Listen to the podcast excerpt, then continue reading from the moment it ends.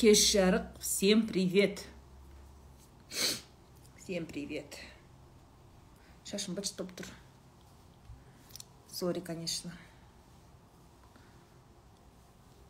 Ам, қалайсыздар қалдарыңыз қалай? Звук ам, изображение все нормально ма? Как дела? Шайым дайын у меня сегодня прекрасный чай настроением де жақсы жалпы а, ұйықтап алдым. Жұмыстан бағана келдім да ертерек. Андай болады ғой бір ана бір түстен кейінгі бір андай бір тәтті ұйқы болады ғой ше білесің ба? Андай ше бүйтіп ана бір екі күндік ұйқыға татитын бір ұйқы болды білесің ба? Ұйықтаған кезде ше бүкіл әлемді ұмытып настолько ана миың өшіп ұйықтайды вот сондай ұйқы болды ғой. Мама!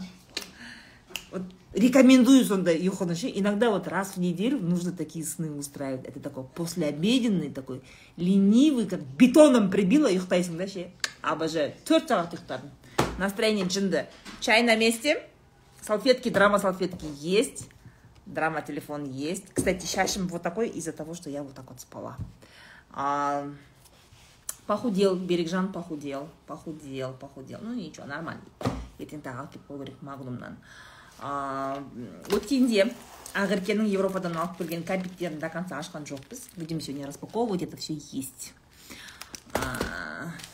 Это не это не это, съемкадан кейін типа волны типа волны же были волны типа ну енді быт болды взрыв на макаронной фабрике.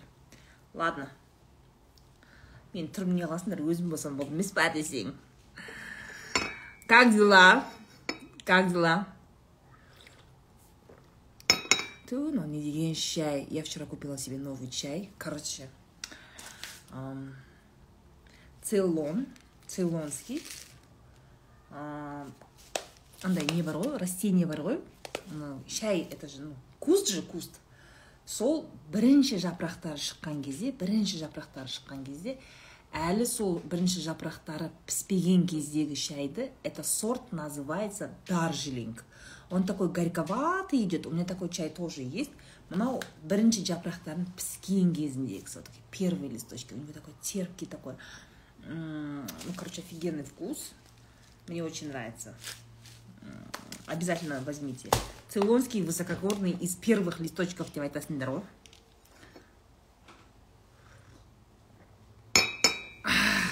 кеттік ал настоящий бельгийский шоколад деді я не помню в своей жизни я ела настоящий бельгийский шоколад енді әртүрлі шоколадтар жейсің ғой бельгийский деді мен шашым нервы тиіп жатыр ну ладно не знаю где моя заколка золотая десең М, оны үйдің қай жағынан тауып аламын ладно давайте терпеть мои волосы М, открываем шоколад отвечаем на вопросы привет данок Түстен кейін ұйықтағанда басыңыз ауырмай ма вообще. Рахат бетон болып ұйықтайсың ғой. Екі күнге татитын ұйқы ғой анау ше екі ай емес бір- апталық отпускіге татитын ұйқы ғой төрт сағаттық ұйқы деген. Ютубқа көк кофтадағы видеоны ма салып жатыр балалар салып жатыр. Кола ішпей десең ба өзі ішіп алған ғой кола десең сіз айтатын тест галоп тест. Кешігіп кетіп па жоқ қазір кірдік қазір кірдік рахмет рахмет ушки сұрақтар қайда? Сұрақ. Только шай ішіп болдым да қайтадан қоясыз ай сіздің босқа босқа мыстам деп айтпайды ғой барлығын білесіз дейді. Рахмет. Арыстан шашып отырмын ба? На нормально.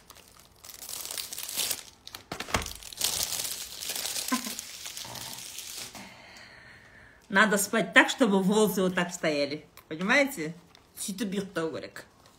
Ребенку год два месяца қайда қалдырып жұмысқа шығып кетсем болады? Ты до этого не, этот, не работала? Я сколько раз говорю дорогие декретницы осы роза азаннан кешке шейін жұмысқа шығыңдар әйелдер ақшалы болыңдар деп айтты екен деп жаңа туған балаларыңды тастап жұмысқа шықпаңдар. Если ты до этого не работала то смысла нету сейчас это начинать когда ты только родила.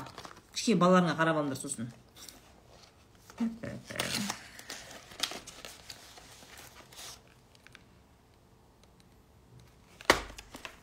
Ну чё? Уи, какие милашки. Вот. Это они, короче, в виде ракушек разных.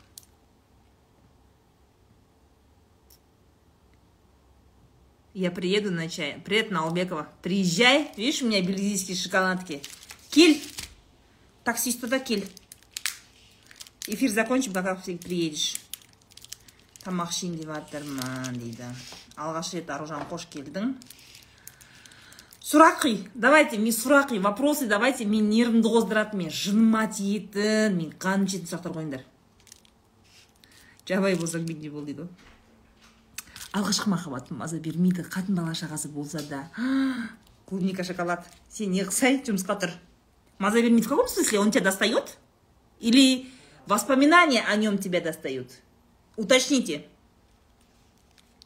киноны біттім ә киноны көріңдер в погоне за счастьем көп адамдарға миллиондаған адамдарға мотивация берген кино ғой ол ой такой разбор будет готовьтесь держитесь бүйтіп жақсылап ұстап аласыңдар ғой жақта диванда отырсаңдар да ондықта отырсаңдар да жақсылап ұстап алыңдар это будет что то нечто Шаш тема болып тұр ма? Самаспа воспитатель болып жұмыс жасаймын ұнайды бірақ шаршап жүрмін. Басқа жұмысқа ауысқым келеді. Ата аналар ең сөйлесуден қашамын. Ничего жұмыстағы қиындық это ең оңай қиындық. Оған шыдап беру керек. Кеттік. Первую ракушку пробуем. Какую какую попробуем? Вот эту.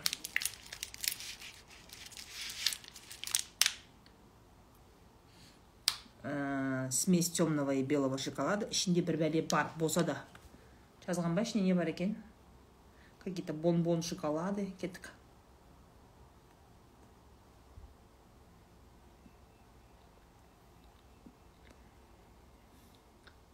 внутри шоколад. М. -м. сырты бар ғой сырты кәдімгі киндер сюрпризге ұқсайды киндер сюрприз бар ғой я обожаю киндер сюрприз и вот яичко бар ғой соған ұқсайды вкусно. Вкусно. Можно есть.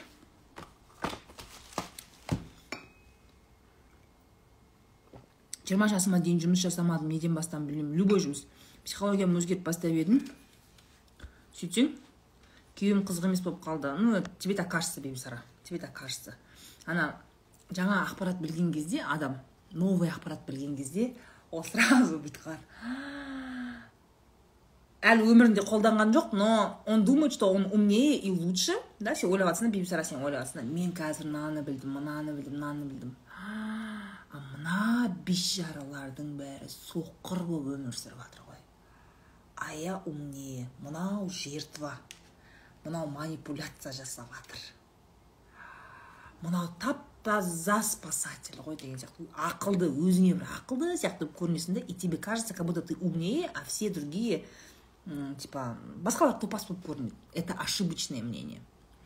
Это ошибочное мнение. Саған сөйтіп көрінеді потому что сен бірдеңе оқып алдың ғой өзіңше сырттай оларды сырттай оларға баға бересің да это осуждаешь. Вот я умнее всех вас. Бұл жерде тәкаппарлық бар да бибісара ше мен бәріңнен сендер мен білесіңдер ма? Магистратура оқыған психологиядан. Сендерден ақылдымын. Қайда жүрсіңдер сендер? Что мне с вами общаться сияқты вообще есть такая хорошая такое цитата может быть я не знаю изречение известных людей это да если а, боже про что если в твоем окружении люди слабее слабее чем ты то на самом деле это не с ними что-то не так а с тобой что-то не так. Понимаешь? Ну, я считаю, что в этом есть определенный тәкаппарлық қытайға келіңізші дейді мә мә мен бармағанмын қытайға никогда күйеуге мүлде шыққым келмейді это норма это абсолютно норма. Адамдардың желаниясы меняется очень часто очень часто меняется да. Сен дәл қазір мен никогда күйеуге тимеймін. Мен ба? Я и махаббат я из замужества чтобы я дома у кого-то носки стирала? Нет. Мен өзім үйімде ұйықтаймасам ұйықтай алмаймын мен біреудің үйінде вообще ұйықтай алмаймын мен тимеймін күйеуге деген талай қыздар екі айдан кейін күйеуге тиіп кетті ғой так что айта бер.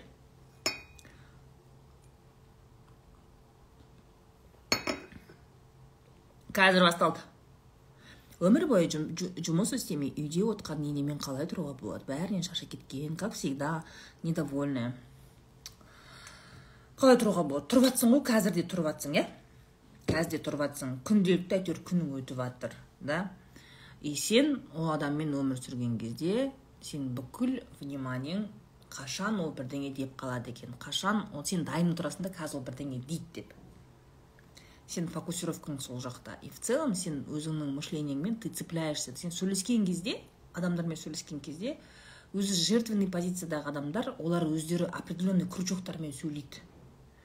Андай бір тиісіп сөйлейді манипуляция жасап сөйлейді андай мысалы кейбір андай енелер бар ғой бүйтіп отыратын ше? Типа. Иә. Не істейміз енді. Ақылды болып қапсыңдар ғой бәрің осы уақытқа дейін осы үйді салдық сендерді жеткіздік. Енді менің ақылым керек емес. Өздеріңнің миларың толып қалды ғой енді. Қайтем енді тапсырыңдар мені. Қарттар үйіне дейді да барып тоғайып кетіп қалады ше она вот так вот манипулирует орет короче айтады да мені апарып тастаңдар онда қарттар үйіне мен керек емес болсам да манипуляция яғни менің айтқаным болмай қалды сендер деп менің айтқанымды по любому то есть сендер ә, бір ә, мәселені ортақ шешімге шығарғыларың келеді да бір мәселеден ортақ шешімге келгілерің келеді да но не получается？не получается？мадам начинает только свое пихать. Только өзінікін да сендерді тыңдағысы келмейді. И что происходит? Она начинает манипулировать. Иә өсіп қапсыңдар. Осы менің пенсиямды алғанда бәле дейсіңдер. Тапсырыңдар онда мені қарттар үйіне деген сияқты. Начинается вот это вот ше бұл ә, жертвенный позициядағы адам ол сөйтіп сөйлеген кезде әдейі сендерді чувство винаға тығып тұрып сөйлейді да ол ше. Чувство винаға тығып тұрып та сендер ана жерде өздерің не то сезінесіңдер өздеріңді жауыз қатыгез сезінесіңдер да? Хотя вы просто пытаетесь общаться иә бір определенный бір шешім қабылдағыларың келіп тұр сондай бір ондай манипуляцияға үлкен кісілер көп барады да.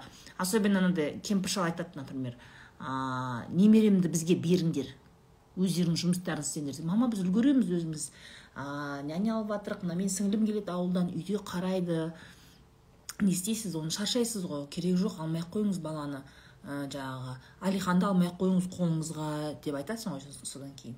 Начинается. Сендер немене өстіп жүріп бала бағамыз деп отырсың? Сендерді кім адам қылған? Біз ғой сендерді баққан.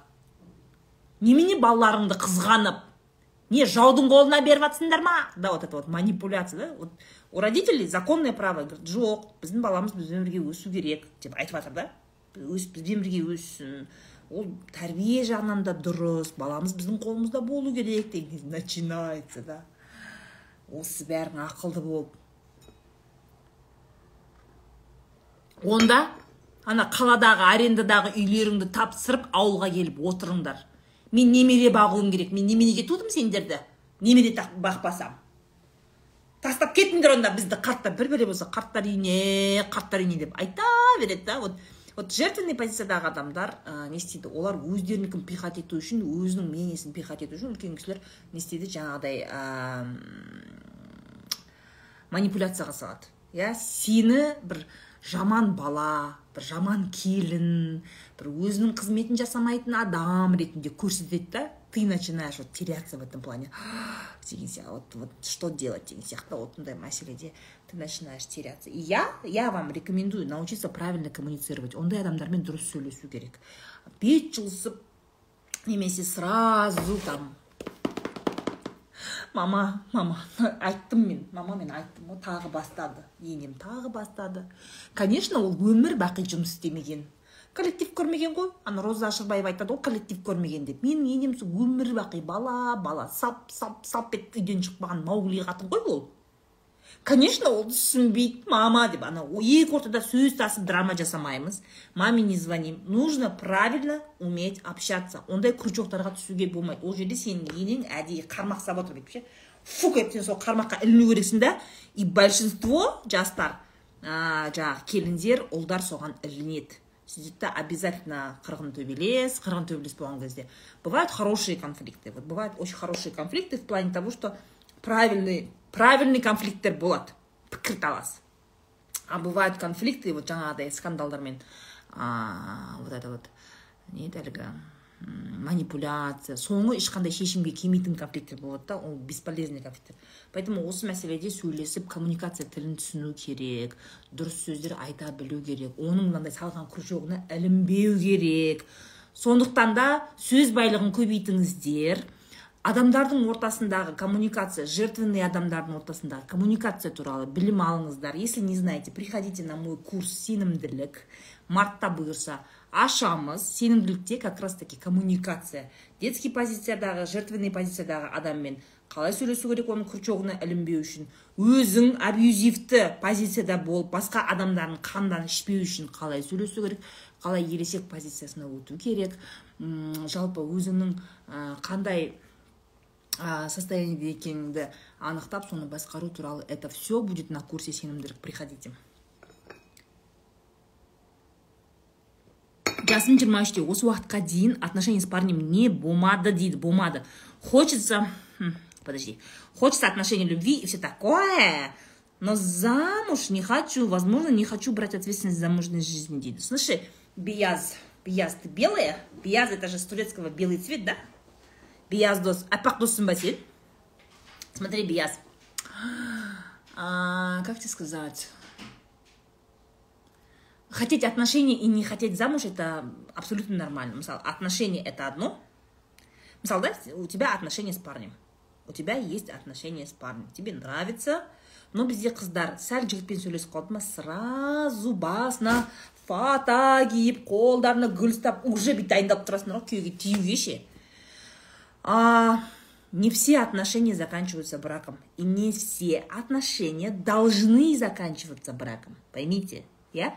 барлық қарым қатынас обязательно отбасы құрумен аяқталу керек деген нәрсе жоқ просто дружите проводите время что в этом такого эфир басталғанына бір он бес минут болған шығар қайырлы кеш ата көшу үшін машина сатып көшкен дұрыс па көзқарасыңыз дейді білмеймін сенің үйіңнің бухгалтериясын мен қайдан білемін үйіңде қандай ақша бар кімге қандай қарызсың? Ол машина не машина ол өтетін машина ма өтпейтін машина ма? Мен білмеймін ғой қызықсыңдар е как будто мен сенің үйіңде тұратын адам сияқты сұрадың ғой.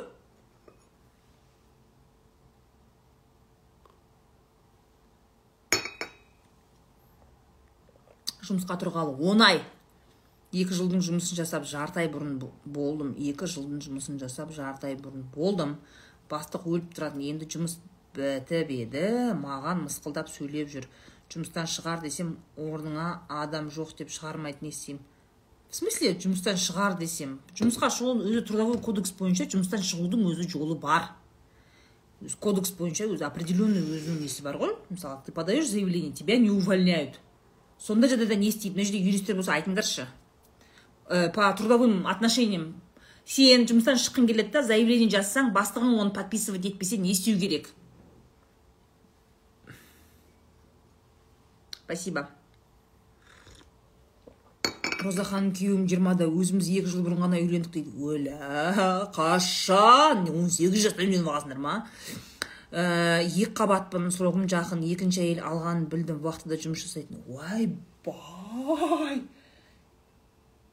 вот это я не знаю. Это все успеть деген программамен жұмыс істейсіңдер ма сендер я не знаю мне как бы я мне смешно мне некелерің заңдастырылған ба?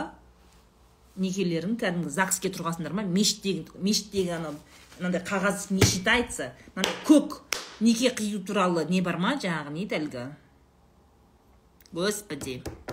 Неке қию туралы қағаз бар ма сенде мынандай мындай корочка бар ма загс дейін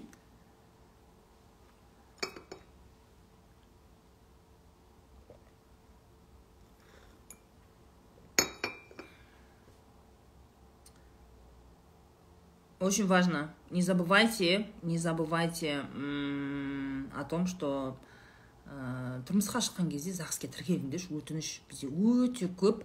Ә, жаңағы неке сол ана мешіттегі ана әумимен бітеді. Мешіттегі әумимен бітеді. Ол ол қағаз саған ешқандай әйелді әйелді ол қорғамайды.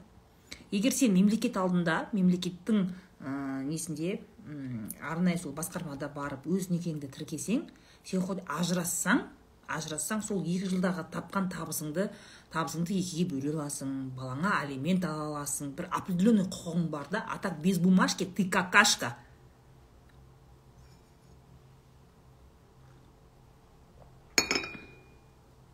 көп адамдарды білемін вот көбісі мне пишут дайрект вот именно загске регистрацияға тұрмаған. Е қай жаққа сеніп жүрсің? Ол сенің күйеуің емес. Ол сенің күйеуің емес загске сен регистрацияға тұрмасаң ол сенің күйеуің емес ол сенің любовнигің это твой любовник от которого ты имеешь детей на которого ты пашешь как ишачка.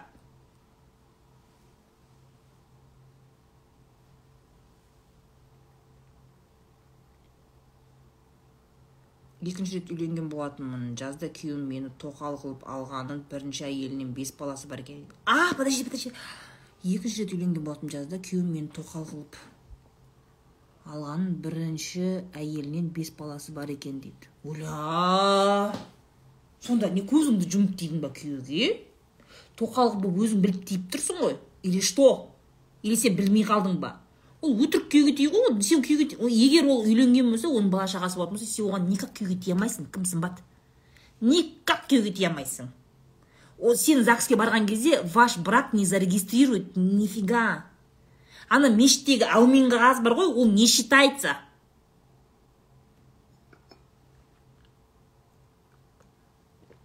Шашқа не болған дейді ұйықтадым. Анау мысалға да негізі қыздар давайте сделаем так. Өз өздеріңе сөз беріңдер қыздар күйеуге тиетін қыздар особенно. Күйеуге тиетін кезде жігітті от и до тексеріңдер. От и до. Бақайынан бастап басындағы бетіне дейін тексеріңдер. Еш жерде учетта жоқ па? Туп наркодиспансер бәрін қараңдар иә? Психодиспансер не ешқайда учетта жоқ па? Сосын ана первый кредитный бюродан кредитный историясын шығарып алыңдар. Басында миллиондаған қарызы жоқ па? Обязательно. Понимаете? Сосын мынандай служба бар ма? Посмотреть был он женат или не был. Некесі тіркелген тіркелмеген жайлы? Загстен қағаз алуға бола ма? Бұрын үйленген ажырасқан деген сияқты. Осындай қағаз алатындай мүмкіндік болатын болса сондай қағаз алып келсін бүкіл несін сосын банктен банктен не алып келсін справка. Об отсутствии задолженности. Бүкіл қанша банк бар? Қазақстанда жиырма банк бар ма? Бәрінен справка алып келсін не деген сұмдық мынау? Не деген сұмдық? Қай қарап күйеуге тиесіңдер сендер сосын медицинский полный осмотр өтсін. Жаңағы тапсырсын. Бүкіл не бар? Осы жерде медиктер бар болатын болса инфекционисттер болатын болса бүкіл инфекционный заболеванияға бәрін тапсырсын. Спид вич бәрін тапсырсын. Құрсын. Не деген сұмдық мынау?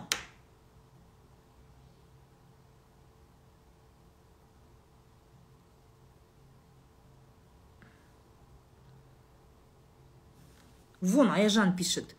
Әйелдер өзін аямаса неге балаларын аямайды? Ертең сол алимент деп жүгіреді дейді. Жігіттің сосын жап жаман зарплатасы жеті балаға жеті балаға бөлінсе не қалады? И то ол зарплатаның жартысы ғана дейді. Вот именно! Жолдасым ақша таппайды жұмыс жасап жүрген жоқ үш ұлымыз бар мен оны болашақта көрмеймін уже шаршадым. Үйден қуып жібер бақыт. Үйден қуып жібер. Жұмыс істемейтін еркекті жұмыс істемейтін еркекті сен мынандай айтып жатсың иә? Өзің айтып жатсың бақыт сен айтып жатсың да. Істейсің ба жұмыс нет он істемейді. Істейсің ба ол істемейді. Ол не істейді? Ол отырады. Диванда жатады. Диванның диванның водителі. Үйдегі пульттің қожайыны и пытается саған қожайын болуға. Айттың тыңдамайды. Ты собираешь семейный совет. Семейный совет жинаңдар. Прежде чем выгонять его из дома мен сендерге айтайын бұл жерде пиар жұмыс істеу керек та конкретный пиар болу керек. В каком плане? Мысалға да сен осы уақытқа дейін мысалы үшін сен бүкіл туысқандардың алдында строила из себя такой вот такой святую жену. Я я чина ма жұмыста жұмыста ғой. Әй чина жұмысқа тұрды ма десе? А иә өткенде бір жерге шақырғансың стажировка болыпсың ұнады деп не істеп жатыр. Чина просто ойлап жатыр жаңағы айлығын аздау екен соны басқа жұмысқа ауыса ма? деп жаңағы өтірік бақыт сен ше сен өтірік күйеуіңді осы уақытқа дейін туысқандарына жамандамай артын жауып келдің мысалы үшін. Иә ол стараться етіп жүр балаларымның әкесі деп.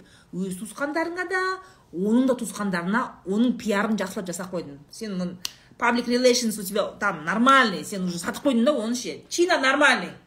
Чина офигенный, отец моих детей, ищет работу, старается, нормальный деген информацияны сен жіберіп қойдың. Бүкіл туысқан достарыңның ортасында и прикинь сен бір күнде ұрыс шығарасың да чинаны үйден қуып, қуып шығасың. Кім жалмауыз? Бақыт сен жалмауыз боласың. Вот именно сен жалмауыз боласың. Неге? Потому что сен осы уақытқа дейін оны жақсы деп айтып келдің басқаларға. Олай жасауға болмайды. Сен осы жерде өтке үлкен үлкен репутационный репутационный ущерб саған болады. Ол жерде кім жалмауыз сен жалмауыз болып қаласың да понимаешь? А бақыт деген. Бақыт оңбаған негізі бар ғой ше. Жалмауыз қатын ғой. Әп әдемі балаларының әкесін сонша не болыпты табады ғой жұмысты. Осы қазіргі қатындар шыдамсыз деген сияқты. Әңгімеге қалғың келмесе бірінші сен жаңағыдай репутационный рисктардың бәрін алдын алып туысқандардың алдында мынаның үш жылдан бері жұмыс істейтінін айтасың чинаның. Өлсең өліп кету білу керек туысқандары өзіңдікі де олардікі де. Семейный совет жасайсың прям жина бәрін үйге жина. Өзіңнің туысқандарыңды жина оның да туысқандарын жина да. Айт міне үш жыл болды. Үш жыл болды водитель дивана конечно я все это время енді біз әйелміз ғой әйел қырық жанды. Мен шыдадым күттім айттым. Жоқ міне жұмыс жоқ. Енді мен сіздердің алдарыңыздан өтейін деп отқан себебім я так больше не хочу. Мен үш бала бағамын ба или мынау дап дардай мына еркекті де бағамын ба? Төрт бала бағып отырмын ғой сонда мен. Үш баланың анасымын мен. Төрт баланың анасымын деп айтасың. Бақыт смотри. Если сен алдын ала туысқандармен осындай жиналыс жасап алып барып оны үйден қумасаң жалмауыз сен боласың. То есть жасардың алдында сен елдің бәріне айту керексің короче міне у меня есть претензия. Чинаға мен претензиям бар. Үш жылдан бері жұмыс істемейді я одна все тяну өліп жатырмын интернет. Мына менің телефоныма мына рассрочкаға алған менің телефоныма тыным жоқ қой тыным жоқ. Бұл байқұстың ай сайын келіп тұрады ақшасы. Істеп жатырмын осы мен. Трендиолды да пиндодоны да істеп жатырмын таргетті да жіберіп жатырмын. Сммді не істемей жатырмын мен. Мына үш баланы бағу үшін. Мынау шыңғыс енді төртінші болып менің мойнымда масыл болып отқанына міне уже үшінші жыл. Міне төртінші жылға кетіп жатыр мына екі мың жиырма үште. Я не знаю что мне делать я не знаю. Если мен үш баланы өзім асырай алатын болсам без него тогда зачем мне он нужен? Вопрос дорогие мои родственники. Құрметті туған туыс не дейсіңдер? Деген вопросты сен ортаға қою керексің. Егер сен алдын ала елдің алдына айтып барып оны қумасаң жалмауыз сен боласың. Поэтому репутационные риски артынан жаман сөз ермесін бақыт. Даже если вы не разведетесь и там разведетесь даже если разведетесь ертең сен виноват болмау керексің. Артынан жаман сөз ергізбе айтып кет айтатын болсаң. Бәрін жинап айт. Міне мынау үш жыл болды жұмыс істемегенде. Міне мен ақ ақша тауып жатырмын үйде. Үлгеріп жатырмын келін болып та үлгеріп жатырмын мына үш баланы да бағып жатырмын қатын, ба, қатын басыммен үш еркек балаға мен тәрбие беріп отырмын.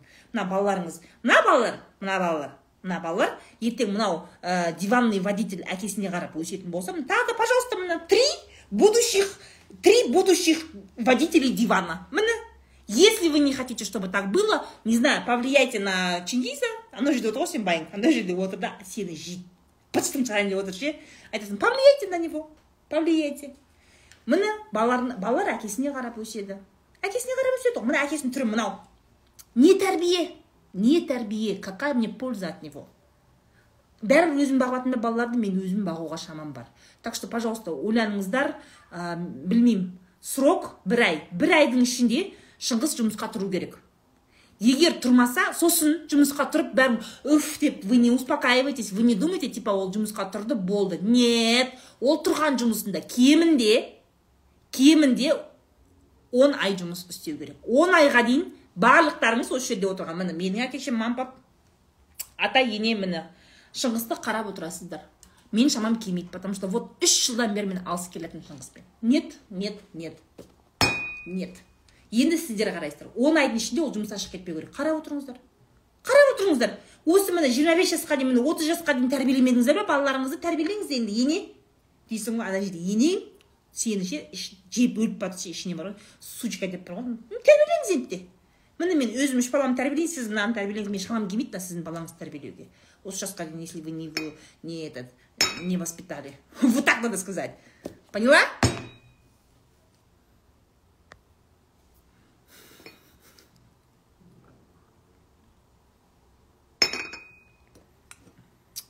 Жылда үш бала туған болып тұр ғой.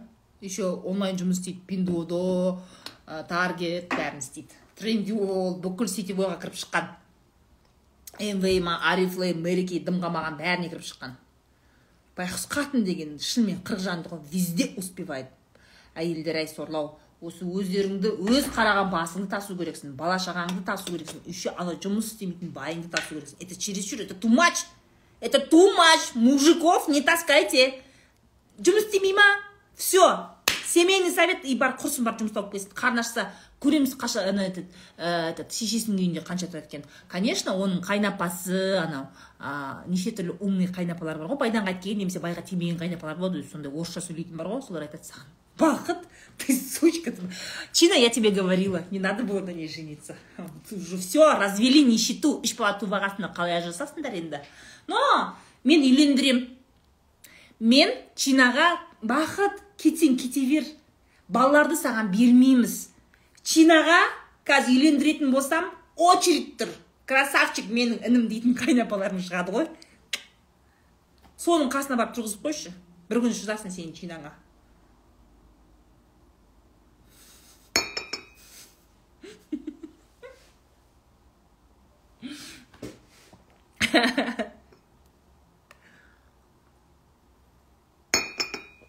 Аселя, ты что, не выехал? Я же тебе сказала, выезжай. Не оросный прямой эфир, да? Или в такси слушаешь?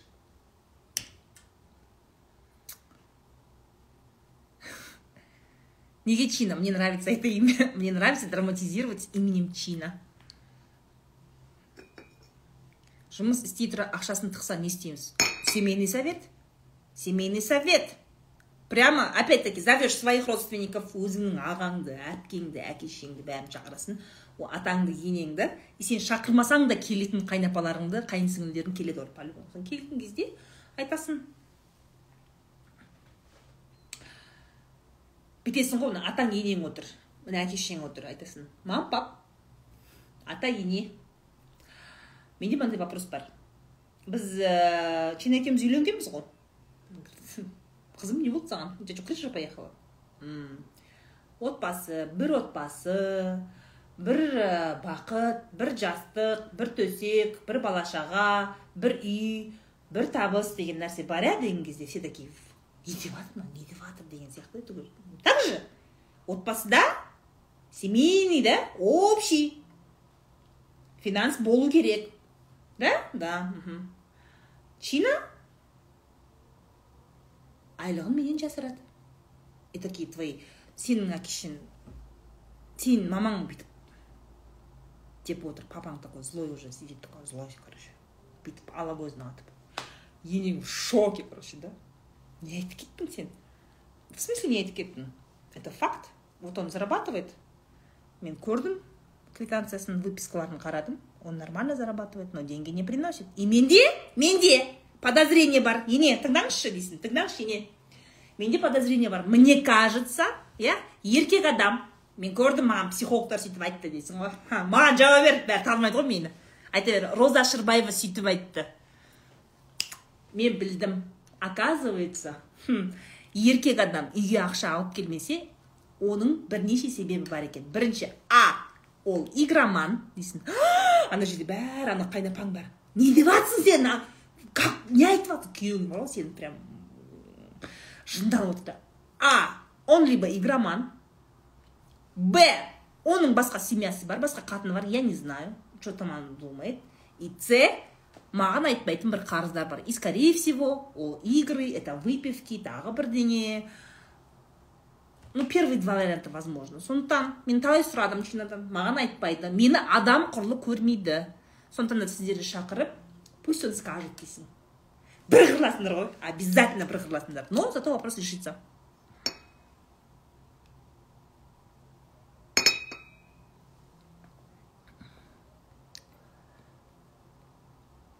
ертең сіздің келініңіз семейный совет жасаса не істейсіз будем общаться будем общаться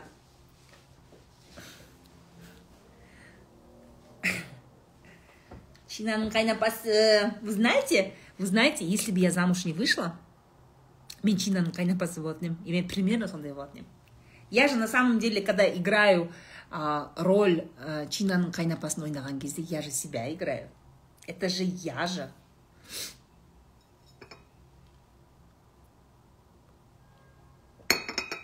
Семейный совет. Жасап көргендер бар ма конечно бар. Мне знаешь сколько я про семейный совет уже сколько говорю да? Маған қаншама қыздар жазды ғой біз сөйлестік даже мен айтамын ғой всегда. Семейный совет бірнеше этаптан тұрады. Бірінші этап ол сен туысқандарды бірден үйге жинамайсың. Сен туысқандарды бірінші чатқа жинайсың ватсап чатқа жинайсың. Өзіңнің өз туысқандарыңды көбісінде мынандай болады да өз туысқандарыңды ватсап чатқа жинап осындай осындай ситуация деп сен алдын ала айту керексің ғой. Там семейный советтің өзі бірнеше этапы бар дайындығы. Сол бірінші этап дайындықтың өзінде проблемалар шешіліп кеткен кездер бар. Яғни прям совет семейный совет болмай ақ дайындық процесінде вопрос шешіліп күшті болып кеткен ситуациялар. Маған талай жазды ғой.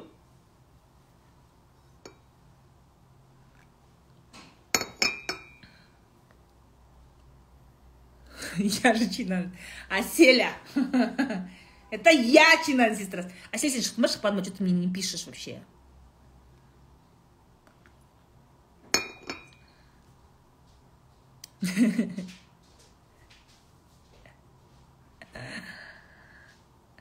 Вот, вот. Вот, я же говорю. Енді фатима понимаешь бізде проблема не мынандай мәселе бар да өте көп ә, отбасыларда ә, еркек пен әйелдің ортасында мысалы вроде бы семья не үшін құралады. Вот мужчина и женщина екеуі қосылады иә?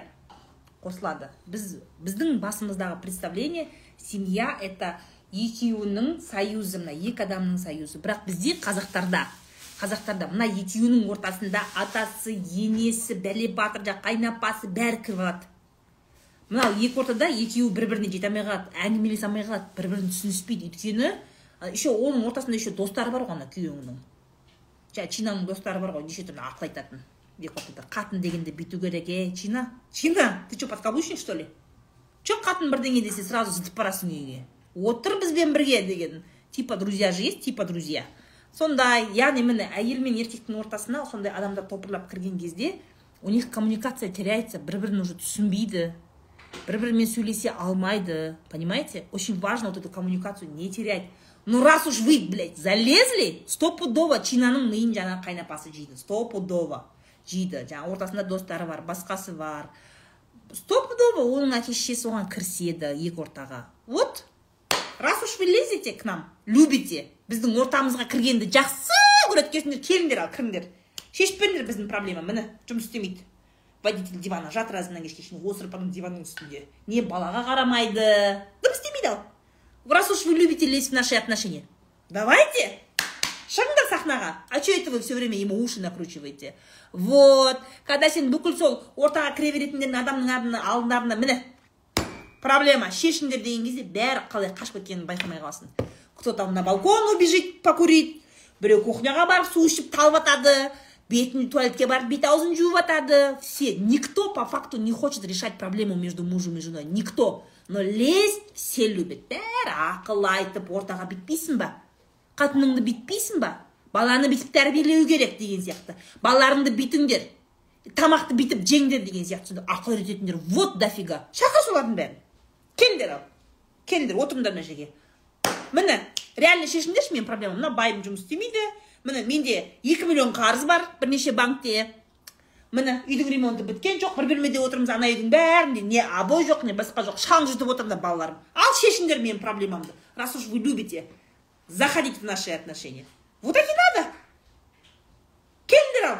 Шешіп беріңдерші ал. Ақылды екенсіңдер бәрің телефонмен құлақ жегенде ватсаппен екі сағаттық аудио жіберген кезде бәрің ақылды екенсіңдер давайте решайте проблему.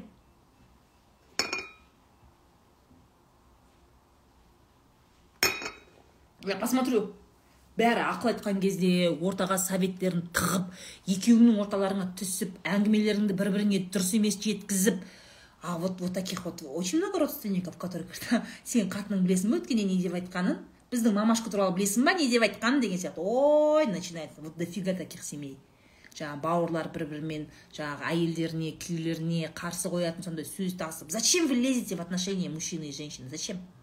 Они сами решат нет нет нет нет ал по факту бәрін жинап сахнаға шығыңдар бір бірлеп сөйтіп менің проблемамды шешіп беріңдерші көрейін сұмдық ақылды екенсіңдер бәрің.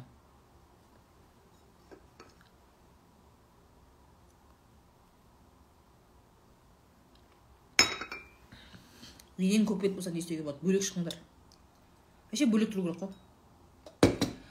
Бөлек тұру керек. Отбасы әр отбасы бөлек тұру керек. Қазір мені атып тастауларың мүмкін. Вы можете меня тут я не знаю ә, трибунал хейтқа үйреніп қалдық қой неше түрлі хейт көріп жатырмық қой қазір ә, делайте что хотите но я считаю муж и жена должны жить отдельно. Әйтпесе олардағы жаңағы ортадағы контакт болмайды. Бірге тұрған кезде бірге тұрған кезде мына ортадағы контакт болмай қалады понимаете? Лезут все. Екеуі ортадан шешім қабылдай алмайды олар жалтақтап үлкендерге қарайды анау не дейді екен мынау не дейді екен. Представь қазір қалай тұрып жатыр да? Үлкен үйде бірнеше семья болып тұратындар бар. Қалай ол ауызбіршілік болмайды ғой мысалы үшін. Ауызбіршілік болмайды. Бір ауылда бір әкімді тыңдамайтын адамдар бар ғой. Сендер бір үйде екі бауырдың бала шағасы жаңағыдай ойбой екі абысының бала шағасы төбелесіп сол үшін қырылып ортаға енесі түсіп ау деп жатқанда талай да. Ең күшті нәрсе это лучше лучше разбежаться и жить әркім өзінің өмірін сүру керек. Әр әркім өз баласын бағу керек өз проблемасын өзі шешу керек. Әйтпесе мысалы қазір сенің атаң мен енең жас. Нафига ты там живешь с ними? Зачем не үшін тұрып жатсыңдар ол үйде? Жас қой олар. Алпыс жас деген это молодые это это взрослые. Это мысалы да бізде пожилой возраст старость наступает после 80 негізі норма. Біздер почему то алпыста вы начинаете все умирать собрались. Болды. Мен өлу мен енді өмірді сүрдік қой енді. Қайда немерелерім қайда? Мен немере бағуым керек. Вот это вот драма у вас начинается. Умирать собрались. Сексеннен кейін сексеннен кейін думайте о смерти. Вы чё? В 60 лет наоборот. Анау есейіп қалған үйленген ұл қыздың бәрін көтендерінен бір теуіп бар құрыңдаршы бар. Кетіңдерші өздерің тапқан байларыңа тапқан қатындарыңа үйленіп кетіңдерші.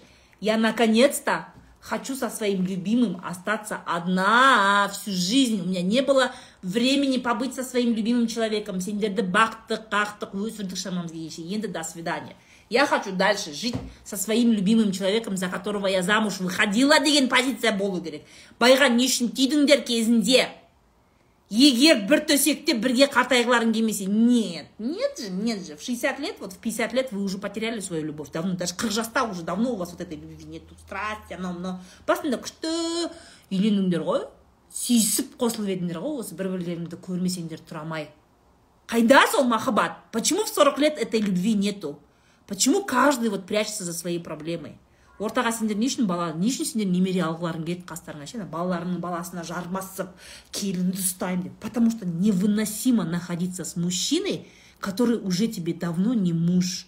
Психологически уже давно не муж. Екеуінің орталарында қарым қатынас қалмаған уже все смысл брака если вы друг друга не любите и не хотите вдвоем оставаться? Терпеть не можете же. Көп әйел мен күйеу просто қастарында адам болса ғана бір тойға бір туған күнге барған кезде ғана екеуі сөйтіп бір бірімен қасында отырып алады да басқа кезде үйде ешкім болмай қалса они друг друга не выносят потому что давно не любят друг друга. Кімді алдап жүрсіңдер? Кімді алдап жүрсіңдер? Где ваша любовь?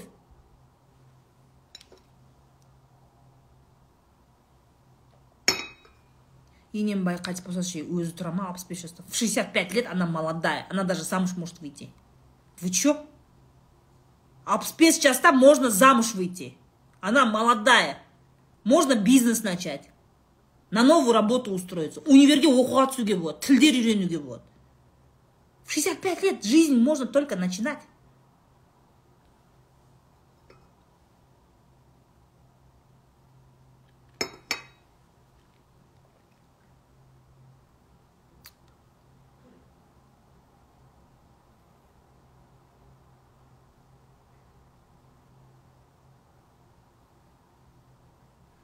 маған бір жігіт ұнайды и ол айтатын кездесуге шақырмайды бір бірімізді көрсек саған үйленемін дейтін год өтті қалай түсінемін. Қалай түсінесің таки түсінесің ол просто болтун.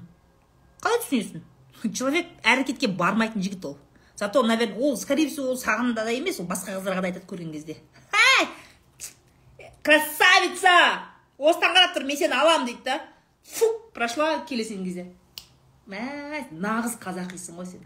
Шашты айтсайшы шашты айтсайшы бұрымды айтсайшы. Сені алам дейді да. Значит ол бәріне айтады саған емес алам деп. Сен лох болып бір жылдан бері мен алам деп айтты ғой қашан келеді енді? деп жүрсің ба? Қуасың ба сен? Че ты время теряешь? Әрекетшіл жігіттермен жүру керек. Вы че? С какими то бол ходите вы какой то каких то болтунов ищете? Егер енең ештеңемен қызықпаса өзің қызық.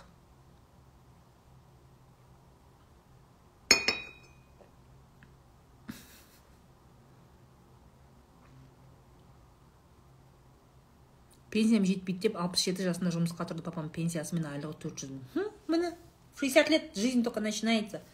Поддерживайте своих родителей чтобы они мысалы да бізде жастар өздерің сендер бар ғой өздерің кемпір шалға кемпір шалды үйге тығып тастайсыңдар. Өздерің тығып тастайсыңдар ғой. Бүктеп бүктеп балаларыңды анау анау жылау тышқақ ана ауыра беретін мұрынбоқтары тыйылмайтын мұрны тыйылмайтын ана жылауық балаларың бар ғой. Соны өздерің жыл сайын туасыңдар ғой еще.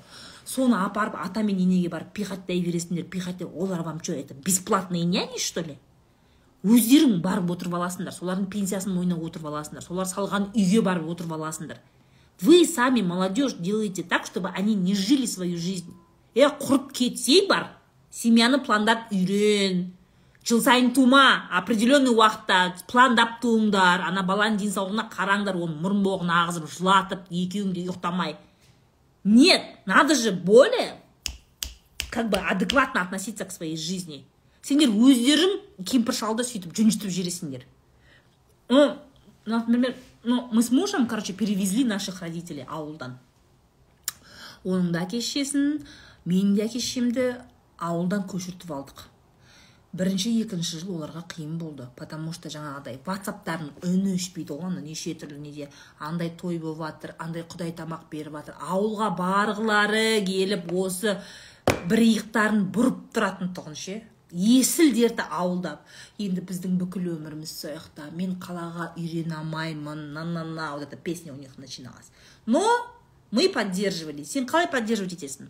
Сен күшті условия создавать етесің оларға. Қалада ше? Үйде жаңағы холодильник морозильник әпересің ішін соны тұрып тастайсың.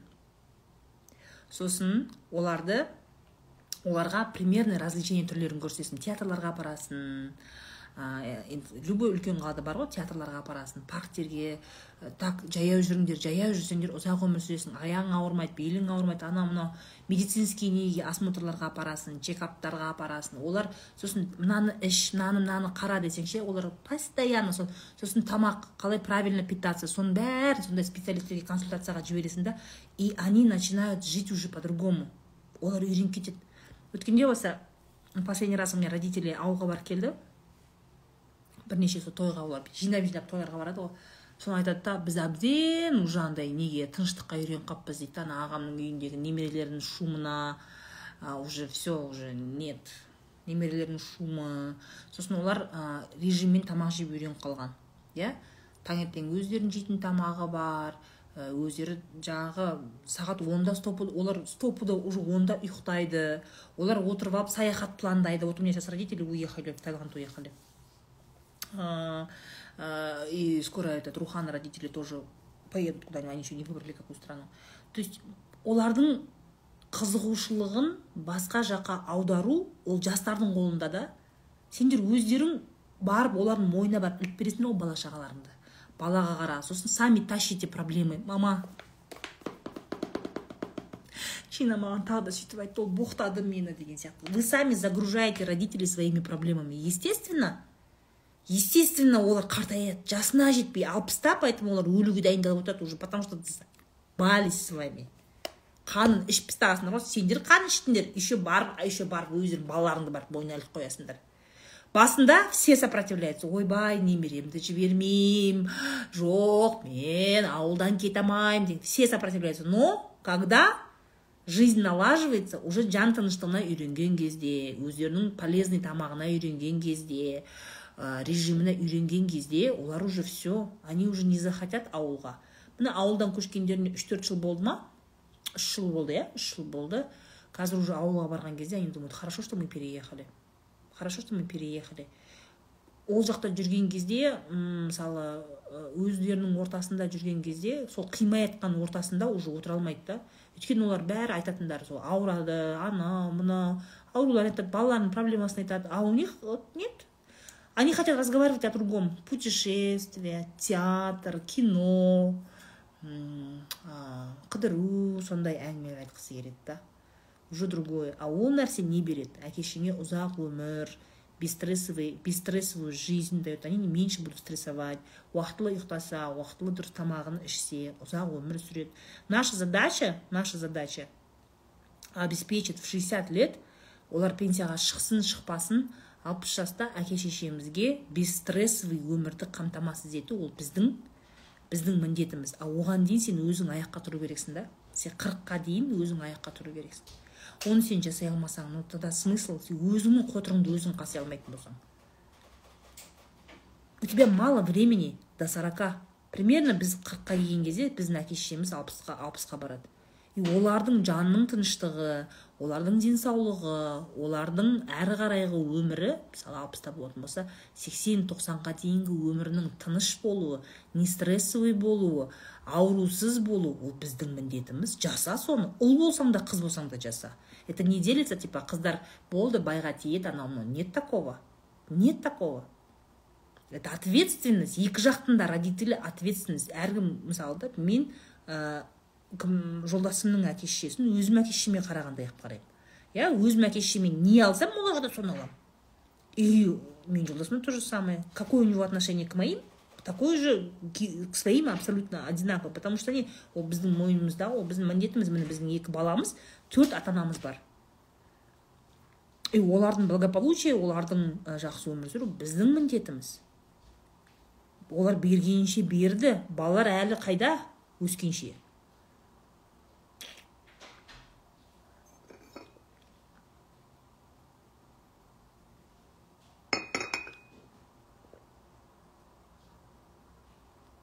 ана тойларда бір ана туған күнде естеріңе түседі ғой. Анашым әкешім асқар тауым деген посттар шығарасыңдар ғой. Ондай өтірік посттарың керек емес е. Сондай ана өтірік посттарың бар ғой. Әкешім анашым ана өтірік той істеген кезде анау кредитке алған дүниелеріңді үстіне жауып это это не это жақсы ол жаман емес но настоящая забота не в этом же. Обеспечь хорошую старость качественную старость. Бізде қазақстанда пенсияның көлемі приблизительно жүз елу екі жүз доллар. Е екі жүз долларға өмір сүру невозможно ғой. И ол нәрсе әлі өзгермейді. Дәл қазір осы эфирді тыңдап отырсың ба? Әлі өзгермейді. Сенің әке шешең де ертең пенсионер болады примерно екі жүз доллар алады. Қалай өмір сүреді ол екі жүз долларға? Так что дайындал. Жағдайыңды жаса өзің жұмыс істе ешақ болып жұмыс істе. Өзіңнің қотырыңды қасып өз қарныңды тойдырасың сосын әке шешеңе көмектесесің. У нас же еще вот эти вот супер спасатели есть которые өзінде жоқ әлі. Өзі тақыр кедей бірақ тапқан таянғанын әке шешесіне беретіндер бар. Так тоже не пойдет сен қарның өзің қарның тоймай сен әке шешеңді тойдыра алмайсың. Поэтому пока есть время жассың ба қалшылдап отырсың ба бар жұмыс істе. Бар жұмыс істе. Жұмыс істеуге қорқамын жұмысқа шығуға қорқамын деп үйде отыра бермей.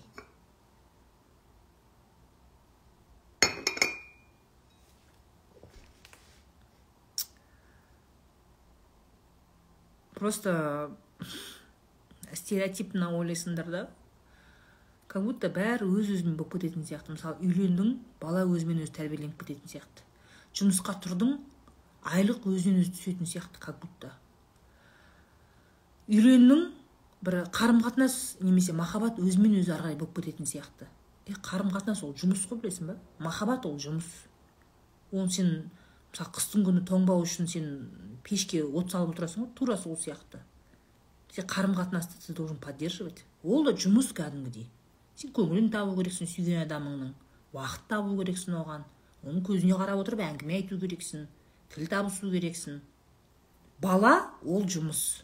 Оның тәрбиесі оның тұлғалық дамуы оның ертең қоғамға нормальный адам болып қосылуы ол да жұмыс.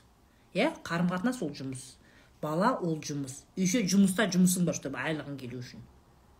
Е миларыңды қосып кішкене просыпайтесь уже сколько можно ходить вообще и думать как будто все само устроится вот это вот. Қазір өзінен өзі болып кетеді қазір өзі бәрі күшті кетеді деген сияқты қалай болады ол күшті если ты не пашешь. Работать надо. Қарым қатынаспен жұмыс істеу керек бала тәрбиесімен жұмыс істеу керек жұмыста жұмыс істеу керек адам болу үшін. Ертең қырық жаста қырық жасында өзіңнің өзің жаңағы қарым қатынасыңа көңіл толатын өзіңе көңілің толатын жұмысыңа ақшаңа көңілің толатын адам болсаң ғана сен әке шешеңе сапалы қарттықты қамтамасыз ете аласың. А так сен бере алмайсың өзің жылап жүрсең қырық жасың қырыққа келіп әлі байыңмен проблемаңды шеше алмай жүрсең. Бала шағаңмен тіл табыса алмасаң сен әке шешеңе қалай көмектесесің? Өзіңнің қарның аш қой кімге тамақ бермекшісің?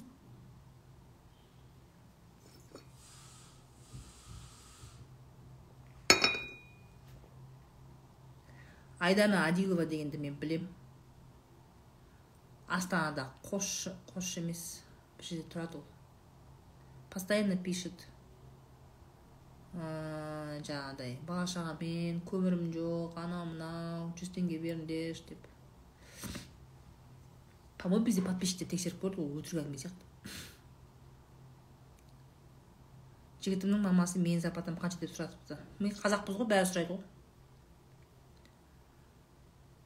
қазақтар бәрі сұрайды ғой.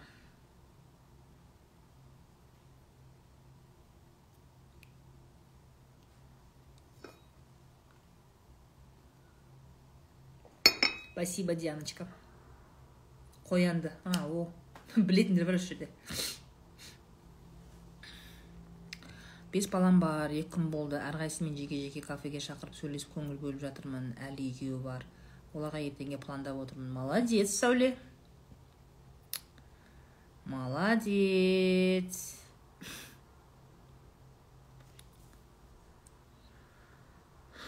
Жігіттің достары отношения араласса не істеу керек?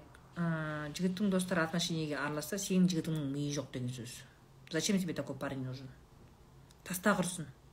Өзінің мнениесі бар өзінің ойы бар жігітпен жүрсейші. Қазір дем бастап сондай андай ерме өзінің басы жоқ достарының артынан жүретін жігіт не қылайын деп құртсайшы уже ол уже саған сигнал болу керек қой не пойдет все до свидания құршы бар сен сияқты ұшарыңды жел біліп қонарыңды сай білетін қаңбақ жігіттің маған қажет не? До свидания дейсің болды. Қыздар цените себя цените себя. Зачем вам нужны такие ветреные непонятные достарының сөздері авторитет дос деген не ол бүгін бар да ертең жоқ. Бүгінгі дөнер таусылған кезде ол дос пока дөнер таусылғанша дөнер мен айран таусылғаннан кейін болды ол дос емес қарын тойғаннан кейін болды. Өйтіп деп түкіріп отыр ғой дөнер жеп айран ішіп. О сен не қызыңның қызың бірдеңе десе сен күшік болып күшік күшік болып барасың ба не? Деген сияқты. Брат брат не теряйся каблуктың астында деген әңгіме айтады. Не аласың ондай жігіттерді? Зачем они вам нужны? Не встречайтесь такими. Құрсын не қылайын демек бұларды? Бір өздері сол браттарына өзінің жігіттеріне үйленсін да солар махаббат берсін. Давай дианка давай. Я тебя жду прям твои результаты.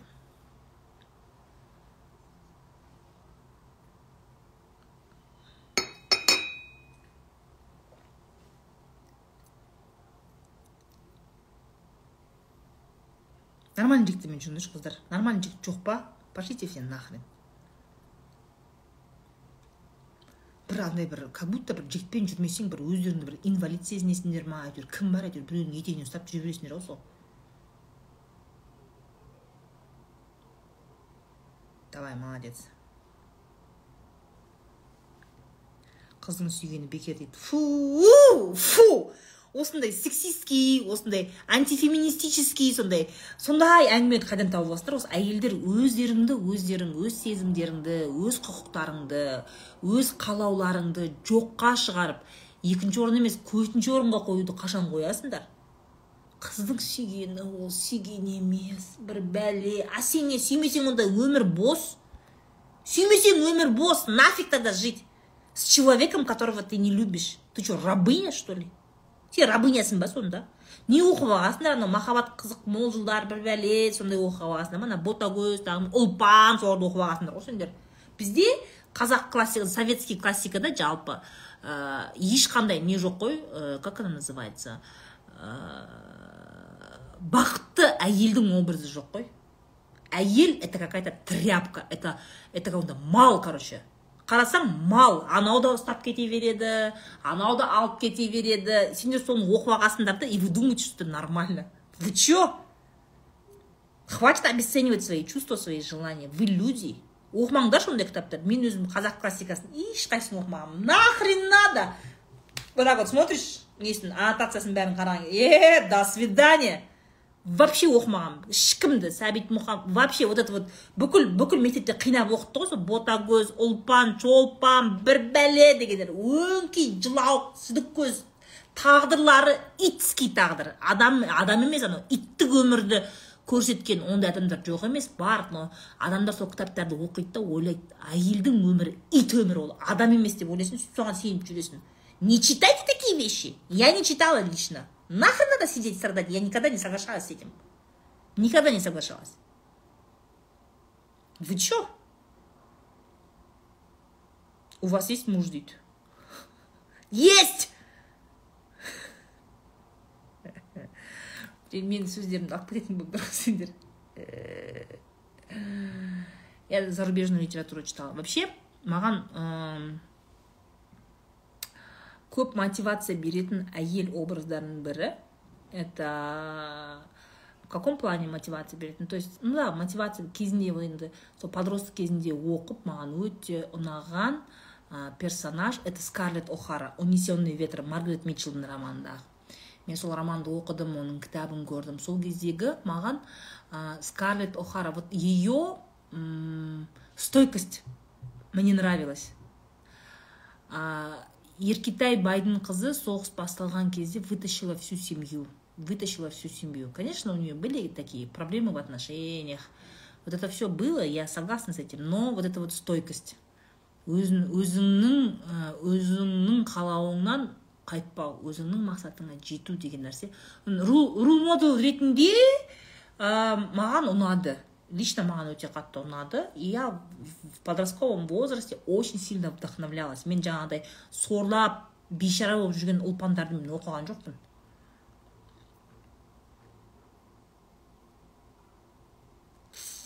Мен сол соны оқитынмын. Сосын көп ә, жалпы ә, мотивация допустим для меня была мотивация ә, биография чингисхана была. Очень сильно мотивировала меня. Мен соны оқыған маған қатты ұнайтын тұғын сосын неше түрлі романдар сол кездегі. Шетелдік мен шетелдік литература оқитын едім. Мен қазақ литературасын оқыған емеспін. Папа меня заставлял. Абай жолының неше түрлісін әкелген ғой маған. Жасыл мұқабадағысы ақ мұқабадағысы қара мұқабадағысы үлкен әріппен жазылғаны кішкентай әріппен жазылғаны мені алдайды ғой неше түрлісін әкеліп берді ғой маған. Оқы.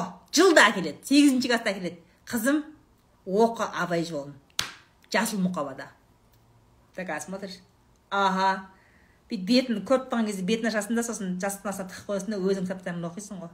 Но те, те книги на русском языке он тоже сам покупал но для себя покупал. Сонда қарашы арамушкада өзі орыс тілді оқиды да маған қазақ тілін әкеліп береді. Сосын абай жолын оқы дейді. Сегізінші класста жасыл мұқабада әкеледі. Тоғызыншы класс біткенде оныншы класста ақ мұқабада басқаша дизайндегі абай жолын алып оқымайсың ғой. Уперто оқымайсың. Оқымаймын.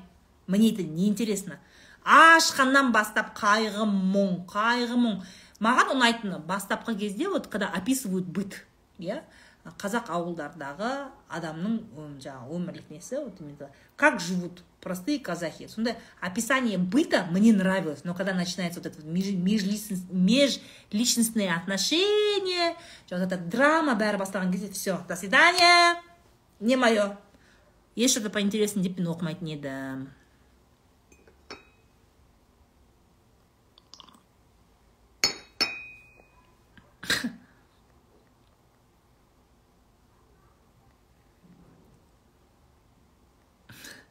скарлетт я об этом подумаю завтра. Бывшийім сағынып жүрмін жұмысқа тұр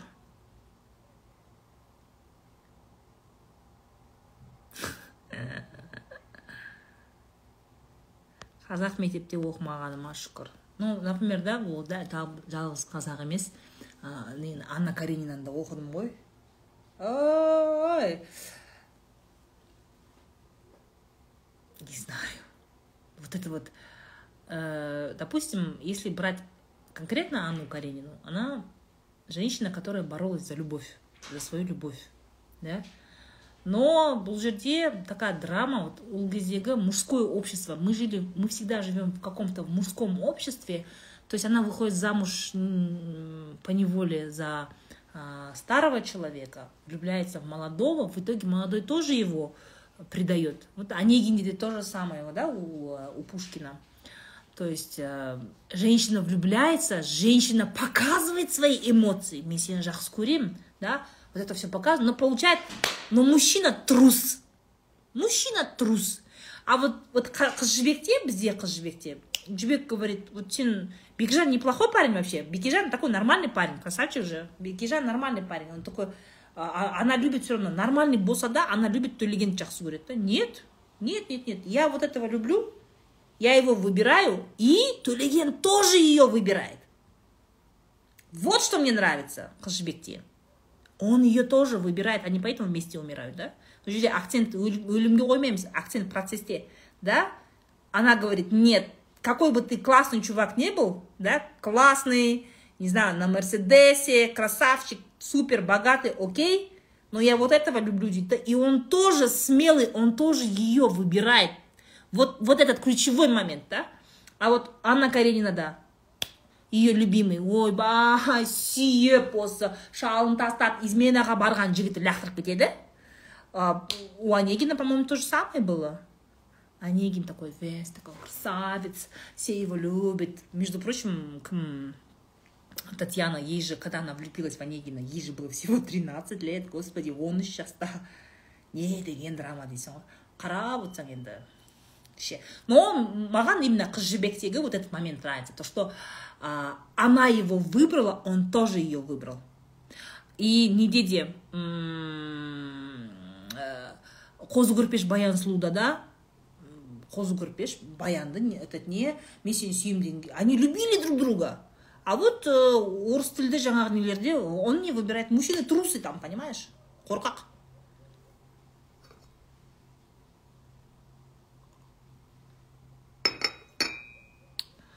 назар аудар деген киноның сол презентациясына мені шақырып еді мен ұят болды ше бара алмай қалдым. Бір съемка ма бірдеңе деп болды. Сосын жауап беремін деп ұмытып кеттім негізі. Осындай бір итский мінездерім бар өзім сонда қатты өзім неғып қаламын өзім ше. Қыз жібекке киноразбор а что я не подумала вообще я хочу сделать киноразбор қыз жібекке и менің атым қожаға соңғы кезде шетелдік кинолар көп болып кетті иә? Но завтра все равно в погоне за счастьем я сделаю. Потом одан кейін наверное қазақ тілді өзіміздің классика кино классикаларға ә, разбор жасағым а сосын нужно разобрать этот бар ғой девушка джигит деген.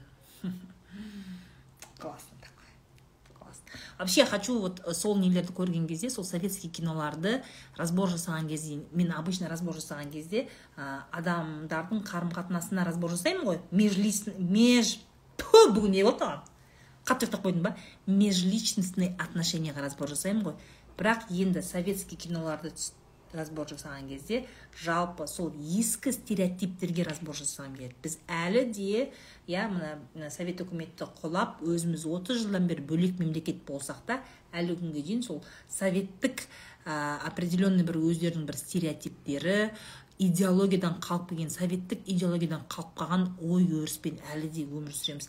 Мен сол қазақ тілді біздің қазақстандық ә, қазақ сср де түсірілген классикалық киноларды разбор жасау арқылы хотелось бы вот такие вот моменты. Мысалы үшін да типичный мамсики ә, тақиялы періште типичный мамсик. Бәріміз соны көрдік қой.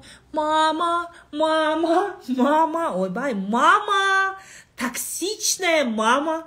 Которая лезет да не сепарированный ана дәп дардай еркекті қатын іздеп жүр! Ғой бүкіл алматыны айналып это абсолютно нормально. Біз соны көрдік. Күліп. Да сен оны киноны көрген кезде қалай көресің? Сен күліп көңілің көтеріліп көресің да и сол жердегі болып жатқан ә, ситуацияны норма деп қабылдайсың. И сен оны норма деп қабылдағаннан кейін сен сол өмірді сүресің. Біз біздің поколение біздің әке шешеміз сол тақиялы періштені көріп қарқ қарқ күліп соны ше. Күшті деп қарқ қарқ күліп сол тақиялы періштені көріп әбден. Соны ролевой модель қылды да и это почему то стало нормой. Біздің мамасының балалары содан шыққан жоқ па? Токсичная мама. Супер токсичная. Она еще вот так вот выбирает ана қыздардың бәрін тапить етіп мына қыз мынау болмайды мынау болмайды то есть вот это вот потребительское отношение адамдарға деген да қыз баласына деген да. Мынау болады мынау болмайды ол она не любит своего сына. Она своего сына не любит вообще. Жақсы көрсе ол өйтпейтін еді баласына. Это не любовь. Вообще бірақ біз соны көрдік. И біз соны махаббат деп ойладық. Вот шешесі жақсы көргеннен кейін бүкіл алматыны жалаң аяқ жүріп баласына қатын әперді деген сияқты. Это такое? Она ему житья не дает. Как его там звали не помню. На т. Тасқын? Не помню. Как с лялькой носится он уже усатый уже усатый уже дядька. Дәу ничего не может без мамы.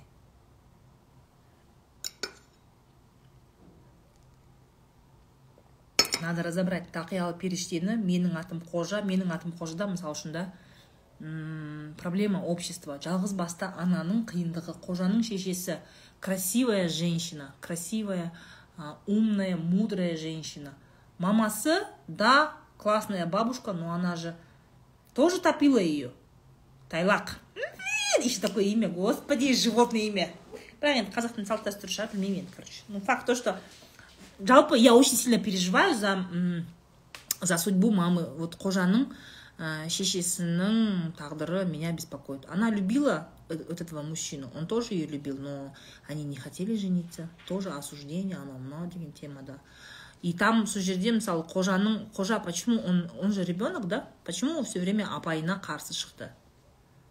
Потому что она она сука. Она вот как она обращается с детьми? Буллинг мектептегі буллинг вот пожалуйста показатель. Ол кинода вот самый адекватный мне кажется вот э, это вот этот вот ағай. Ана сұлтанның жұлдызын жақпадым деген ағай мне кажется он самый адекватный в этом фильме. Что еще короче надо реально советские фильмы разобрать обожаю я обожаю советские фильмы там столько вот этого вайба классного мне нравится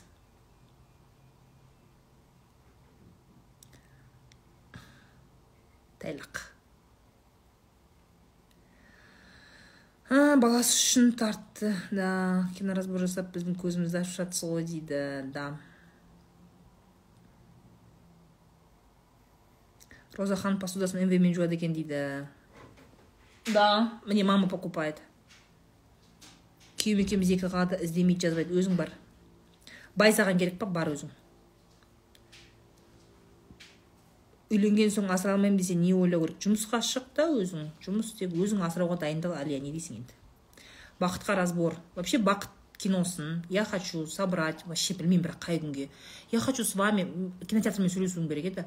Бір кинотеатрмен сөйлесіп ә, целый залды алып чтобы продавали по определенному промокоду только вам. Приехали ну в основном алматы но өткенде мен соны айтқаннан кейін начали писать с других городов. Егер выходнойға істесеңіз басқа қаладан келемін деп. Посмотреть фильм потом кинотеатрдан попросить не знаю час полтора чтобы мы могли после фильма ә, сесть и разобрать. Мен оны инстаграмда разбор жасай алмаймын неге өйткені кино әлі кинотеатрда болып жатыр адамдар оны көру керек. Иә ол өзінің өзіне бұйырған кассаны ол жинау керек. Өйткені ол қаншама фестивальдан ұтып келіп отыр қаншама шығын болды үлкен расход ол ол да бір оның ақысы ғой. Қазір мен оны инстаграмға мен мысалы үшін оны инстаграмға салатын болсам адамдар киноға бармай уже кино не туралы екенін түсініп қояды да. Поэтому я хочу больше вот это в поддержку кино. Не знаю баянға шығайын ба кинотеатрға шығайын ба? Осы проблемамды шешіп беретін адам бар ма? Ойластырып соны организоваттап маған бүйтіп келіп айтса болды. Роза ханым міне мына күні мынаншада келсеңіз болды. Бәрі дайын подписчиктеріңіз жиналып билеттерді алып попкорн жеп дайын отырады. Келсеңіз болды деп айтатын адам бар ма? Я так не люблю вот этими организационными моментами заниматься. А так было бы круто. Вы бы просто пришли бы купили себе билет посмотрели бы а потом кинодан кейін бір сағат отырып мы бы классный разбор сделали бы. Басқалар салып жатыр дейді я не знаю так нельзя. Кино өзінің кассасын жинау керек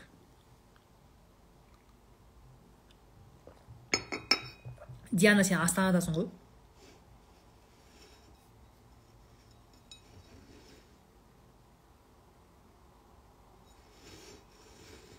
мен барамын дейді ну давайте попробуем. Мен сөйлесіп көрейін мартта подругам айтады жігітке сіз деп сөйлеу керек па дейді е қойшы не блин қойыңдаршы осы еркекті пір қылуды бір пір бір періште бір пайғамбар көріп сіз сіздің қалауыңыз еркекті басыңа шығару еркектің сөзі еркектің шешімі еркек еркек еркек қойыңдаршы сондайды жап жас болып алып әлі ше? Әлі жап жас болып сондай сондай мусор информацияны қаяқтан жинап аласыңдар. Еркек это просто человек. Это просто человек. Он не святой. Хватит его возвышать. Даже телеграммаға салып қойған дейді ужас ужас ужас ужас нельзя. Ну в погоне за счастьем мысалы үшін да ә, мен оны ә, конечно я рекомендую смотреть типа кинопоисктан тағы бірдеңені ақшасын төлеп көретін но его сейчас нигде нету.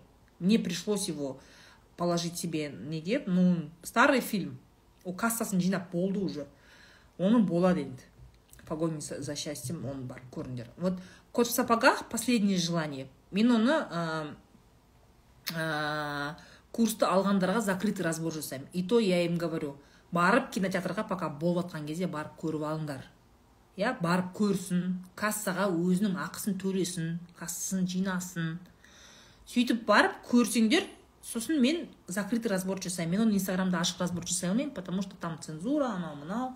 Ол бәрібір. Әлі ол ә, кинотеатрда кассасын жинап болғаннан кейін ол сосын жаңағы стриминговый сервистерде өзінің арендасын жинау керек поэтому не могу. А в погоне за счастьем это старый фильм, поэтому я его выложила в телеграм-канале. Посмотрите, завтра будет разбор. Киноклуб борецкого цезарьда дейді мына сол жерде ше кім кім гүлжанар ауасы тар ғой мен бір рет барғам. Құрсын бірақ ол жерде быстрее согласна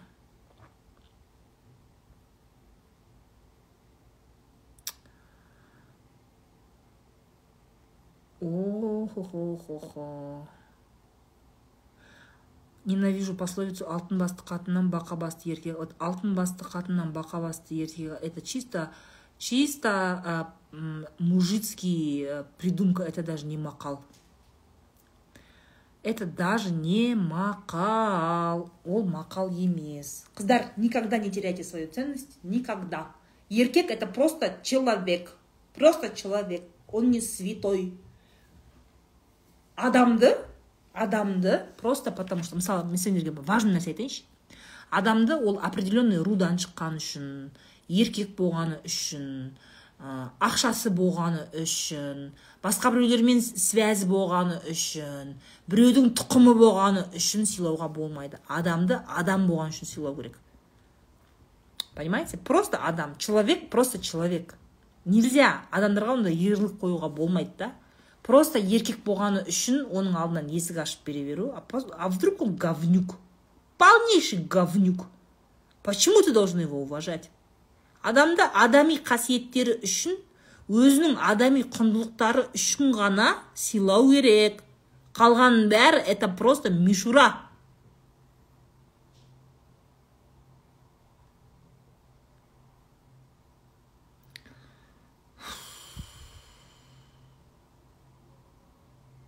Еркектердің сізді атуға нормальный еркектер очень правильно воспринимают меня назира. Нормальный еркектер очень правильно меня воспринимают. Они говорят роза ханым сіз өте дұрыс нәрселер айтасыз. Әйелдерге күшті дух бересіз. Әйелдердің көзін ашасыз. Жас қазіргі жас қыздарға жақсы дұрыс әңгіме айтасыз. Өзін өзін жаңағыдай түсіре бермей өзін басын көтеріп ақша тауып өзін тауып тұлғалық дамуына күшті мотивация бересіз дейді. Маған есі дұрыс еркектердің сөзін тыңдаймын мен. Ал жаңағыдай мына қатынды атып тастау керек мына қатынды бүйту керек қатындар деген бәсінған деген идите нахрен. Бар өздерің қатындар жөндеп алыңдар. Өлә загсқа тұрайық десем не пайдасы бар дейді. Өлә құра қуасың ба қаракөз тұрма онымен загс жоқ па? Тұрма онымен берме оған тума. Фу. Вот бабур пишет поддерживаю розу. Вот я же говорю нормальный нормальный мужчины миы бар еркектер говорят она адекватные вещи говорит деп. С кем чай пьете? Білмеймін жаңағы әселді шақырып едім келмей қойды өзін жауып а так өзім ішіп отырып шай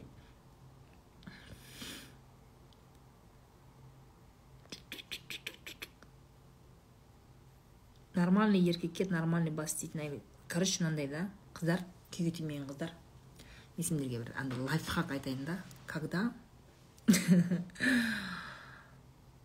андай ше когда жігіт если мужчина боится что женщина будет работать зарабатывать деньги и развиваться это слабый мужчина. Ол жаңағыдай күшті машинаға мініп алып бүйтіп қолында кілтін айналдырып бүйтіп типа бизнесмен ана бәле қатырып жүрген сондай мықты еркек болып көрінуі мүмкін сыртынан.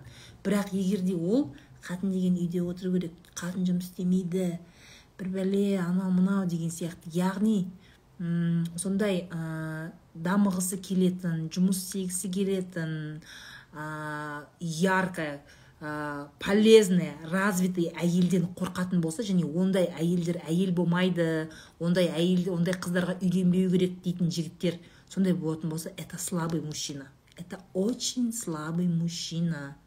Сильный мужчина хочет быть рядом только с сильной женщиной. Умная красивая яркая интересно с ней. С такой интересной женщиной надо вот, вот сондай әйелден бала туғызғысы келеді да. Өйткені ондай ақылды өзіне сенімді мықты әйел жақсы ұл қыздарды тәрбиелейді. Өмірі үйден шықпайды өзінің әйелін тряпка қылып езіп тастаған қатын қандай бала тәрбиелейді? Далеко не хожу у меня есть такие знакомые у меня есть такие знакомые уже үлкен кісілер. Это действительно так. Әйелі никогда жұмыс істемеген. И өзінен туған екі қызда өзінен туған екі ұлда андай не өзі ғана жұмыс істейді да өмір бақи өзі. Он хорошо зарабатывал алматыда астанада екі үйлері бар. Богатые но ана екі қызды күйеуге тиді әйелі жұмыс істеген жоқ қой. Үйде бала тәрбиесімен әйел айналысады. Никогда в жизни не работала. Екі қыз екі ұлдары бар. Екеуі де екі қыз байға берді тоже. Андай не да андай. Жұмыс істеткізбейтін байға берді екі қызды. Өздері сол әкесіне ұқсаған ролевой модель тапты да оларды ше. Ал екі баласы вот куда он только их не пихал? Жұмыс істемейді екеуі? Неге өйткені екі ұл анау өмір үйден шықпаған шешені көріп өсті ғой в итоге он сейчас старик он сам до сих пор тащит домой деньги өзі шал әлі күнге дейін сол бала шағасының проблемасы бәрін өзі істейді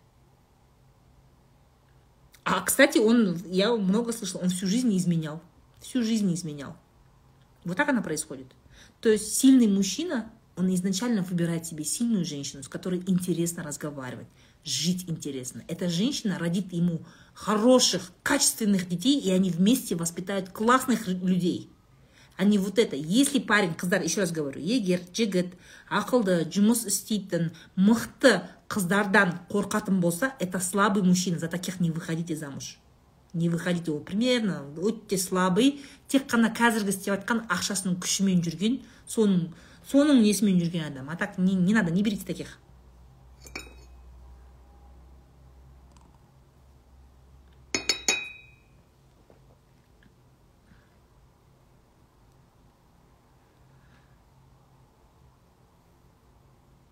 енем мені оқытыпты төсегімнің астынан ине тауып алдым не істерімді білмей жүрмін. Ойбай білмеймін айда.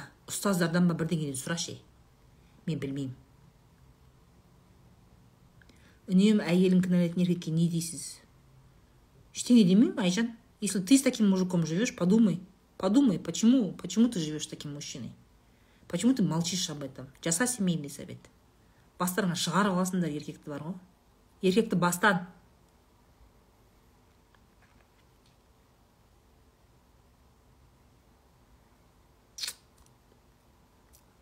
Мінгізіп аласыңдар ғой еркектеріңді. Отырасыңдар. Не десе де еркек қой ол. Жүрсе де еркек еркек деген жүреді деген сияқты әңгіме. Фу! Сондай істемеңдерші құрыңдаршы бар. Вообще мен ондай қыздармен не люблю общаться. Когда вот вообще в целом в моем окружении если появляется а, человек да женщина которая говорит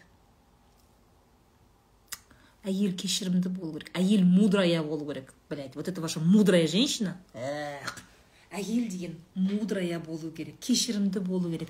Еркек ол еркелейді еркелейді дап дардай твою мать отыздағы детина мужик еркек ол еркелейді сондай сондай адамдар менің окружениемде болатын болса момент я с таким человеком не общаюсь я с такой женщиной это опасная женщина. С такой женщиной нельзя общаться вообще. Это самый настоящий вот әйелдің жауы әйел дейтінім сол ғой әйелдер. Сендер өз өздеріңе жаусыңдар. Сондай әңгіме айтасыңдар ғой бір бірлеріңе еркек деген ол еркелейді деп. Еркелей берем деген өлеңді еркекке айтқызу керек қой бізде. Понимаешь?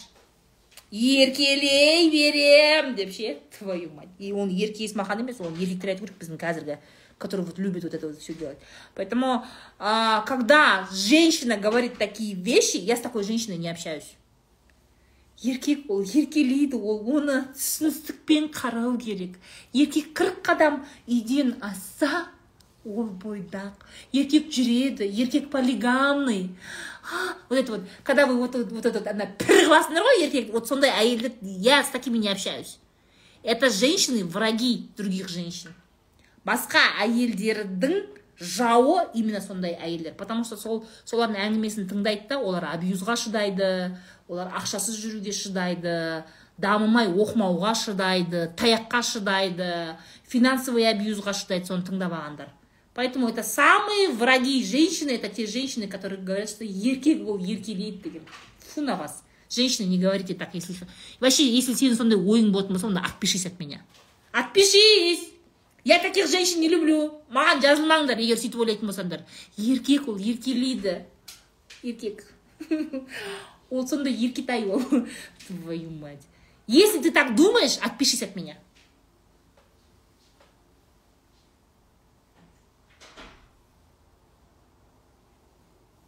Я не хочу, чтобы меня окружали такие женщины. Это враги женщин.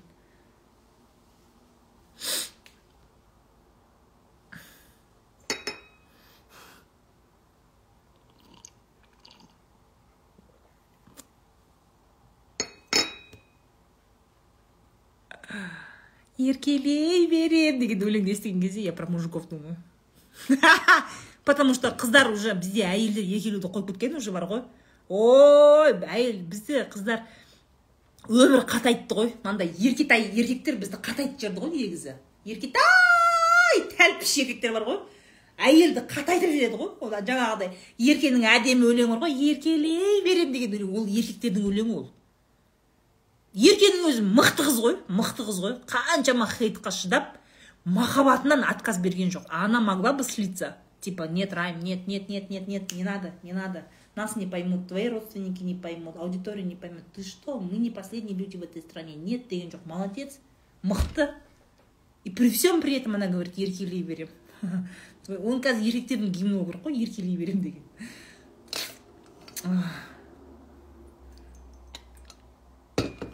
еркекке бәрі жазады фу если вы так думаете отпишитесь от меня.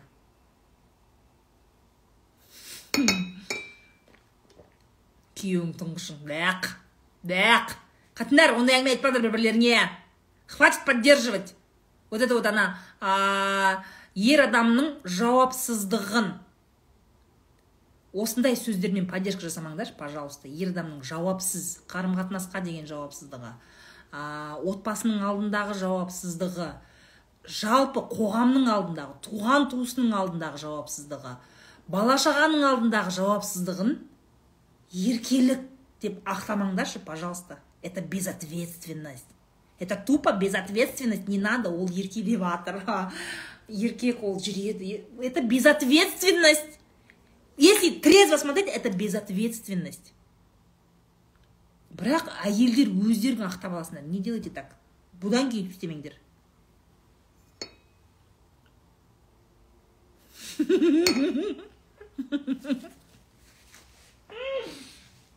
Так что жаңа жаңағы мудраяйлар. Ана еркектің бассыздығы мен жауапсыздығын ақтайтын мудраяйлар ше жаңағы мудраяйлар. От меня отпишитесь пожалуйста. Не надо не надо вот это вот ваше. Еркекті ол. Еркек түзде түздің адамы еркек. Ол еркелейді ол жүреді деген. Мудраяйлар ақыл бергіш. Уходите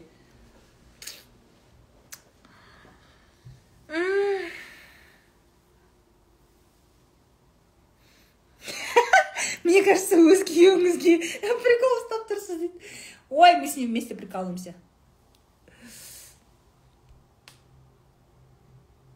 Он үш миллион қалың қаяқтан естіп алдыңдар айсара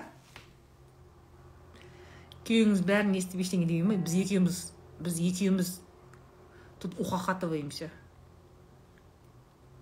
Күйеуім ақша сұрай берсін деп айтады дейді. Бірақ мен өзіме жұмсамаймын тек үйге дейді айтсам түсінбейді не істеймін семейный совет жасайсың.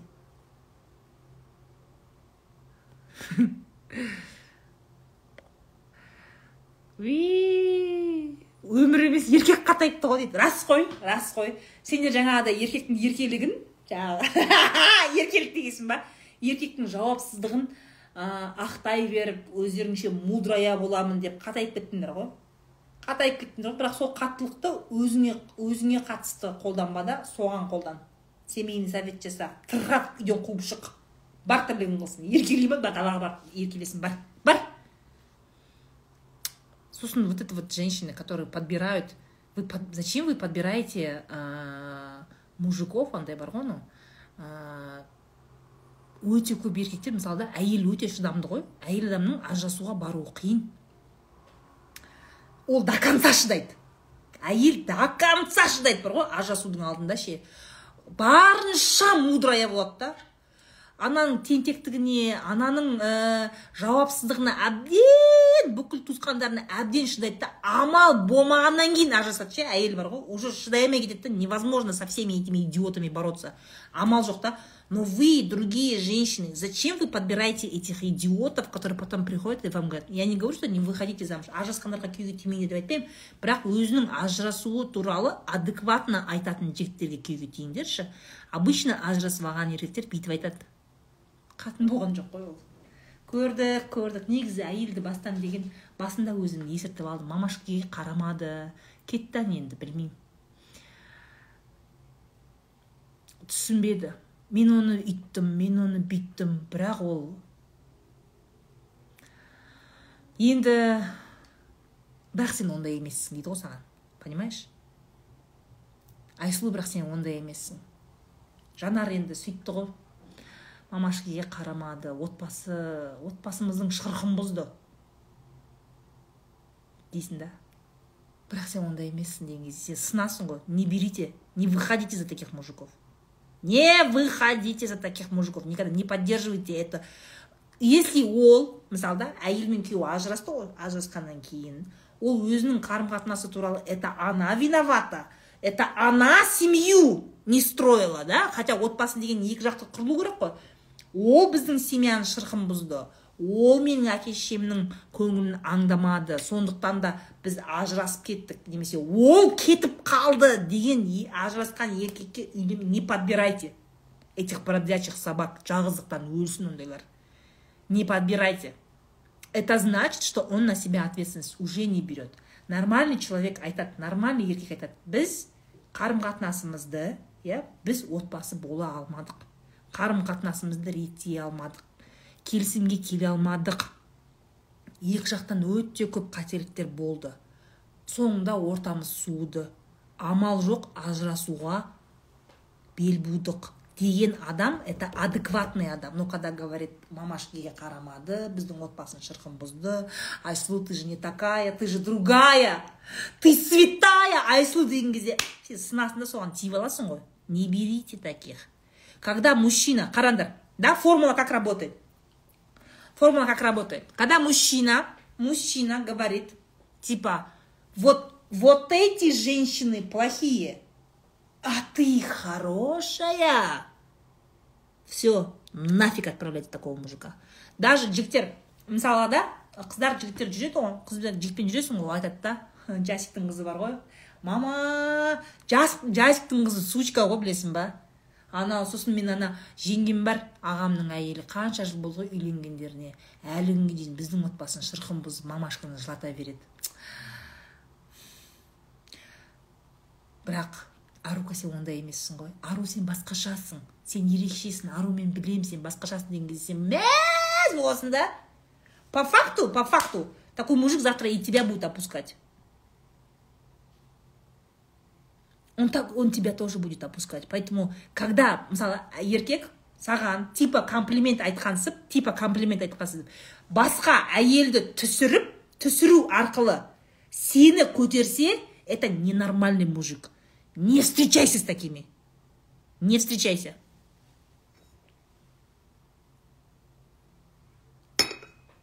ол ажыраспаған әлі үйленбеген бойдақ жігіттер де сондай әңгіме айтады яғни басқаларды опускать ету арқылы саған са, сені возвышать етсе сен оған бүйтіп басың айналып бүйтіп ермей ақ қой махма. Все ол қаш деген сигнал. Так что вот эти разговоры вот этот это же он что делает? Он сейчас играет в спасателя. Это не как- то есть он, он играет в жертву и тебя тянет в спасателя. Вот.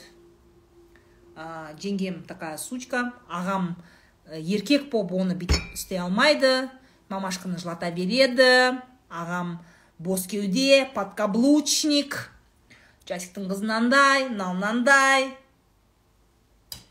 ақма сен бірақ басқашасың ғой басқашасың ғой ақма мен сендей қызды кездестірмедім деген кезде мороженый болып еріп кетпеші махма ақма мороженый болып еріп кетпеші.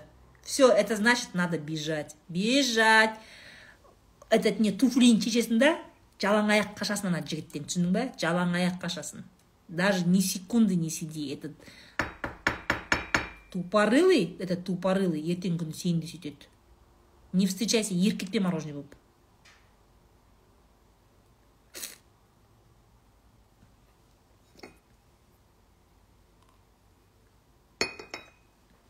Басында басқа едің. «А, шығады сосын. Акма сен басқа едің ғой деген сияқты. Сендер неме түнде жиналатын боласыңдар ма он өтеді сағат уже он бір жарым. Мың адам отырсыңдар ғой.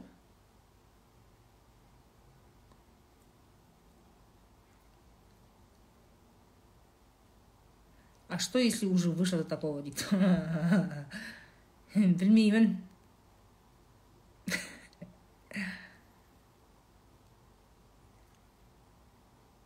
балам жиырма жетіде жұмыс жасағысы келмейді үйленсе қалай семья асырайды деп уайымдаймын не істесем болады. Үйден қуып жібер. Үйден қуып жібер гүлзада ханым қуып жібер үйден не қылып оны сүрлеп отырсың. Соғым қылып соясың ба? Конечно. Төсегі салынған киімі жуынған тамағы дайын. Зачем ему работать? Он у него жизнь устроена. Все зачем ему работать зарабатывать деньги? Ертең үйленгенде ол үйленбейді да. Зачем? Зачем оған қатын? Сіз барсыз ғой гүлзада ханым оған қатынның қажеті не если ему нужен секс он кого то найдет. А так зачем? Зачем ему семья? Вот у него семья это вы у него есть. Неға жұмыс істеп какой стимул какая мотивация? Бүкіл базовый потребности жабық тұр ғой. Жалаң аяқ қуып жібер қолына мусор пакетте. Ең керек киімін сал да құр- құрт көзін барып өзін асырасын барып. Бесплатный театральный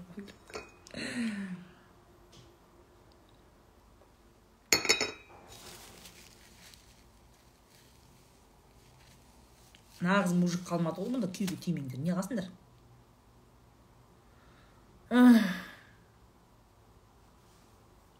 Хороших парней много. Сендер просто көрмейсіңдер өздерің әп әдемі адекватный күшті күшті жігіттер бар. Просто көрмейсіңдер. Сендер анау ең бұзық болатын ең бүйтіп өзін бүйтіп көрсететін сондайлар ғана көзге көрінеді да. Өте адекватный жауапты скромный жап жақсы жігіттерді сендер менсінбейсіңдер. Вы все хотите выйти замуж не знаю за каких-то вот вот этих вот типа балибеев. А великолепный векта балибейға бәрін ғашықсыңдар ғой он такой всех там всех порвет он любил всю свою жизнь только одну деген сияқты херня это все бәрің сондай типа воинственный типа типа дерзкий жігіт дерзкий жігіттердің түрі анау ғой зачем? Зачем ондай жігіттер семья болмайды Единственное, что правильно сделал Балибей, то, что он не женился вообще никогда, он правильно сделал. Вот осы жерде оның басы жетті. Нафиг с ней, рядом с ним, рядом с ним, любая женщина будет несчастна, потому что, потому что, простите, он не для семьи. жаңағы сияқты вот это вот жаңағы дерзкий бұзық там ана первый парень на деревне деген сияқты жігіттер олар нормальный семья болмайды олар сол қатындардың артынан қуып жүресіз сосын басқа қыздармен жүреді олар ше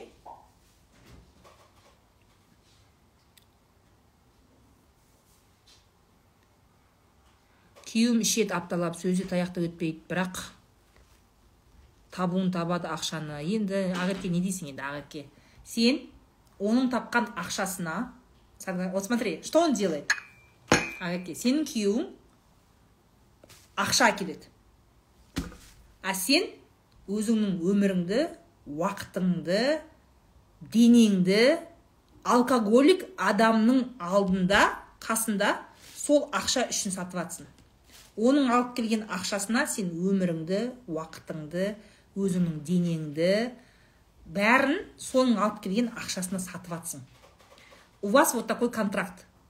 Ол саған ақшаны и сондай итский отношениені береді сен сол ақшаны аласың оған өзіңнің уақытыңды өміріңді бересің.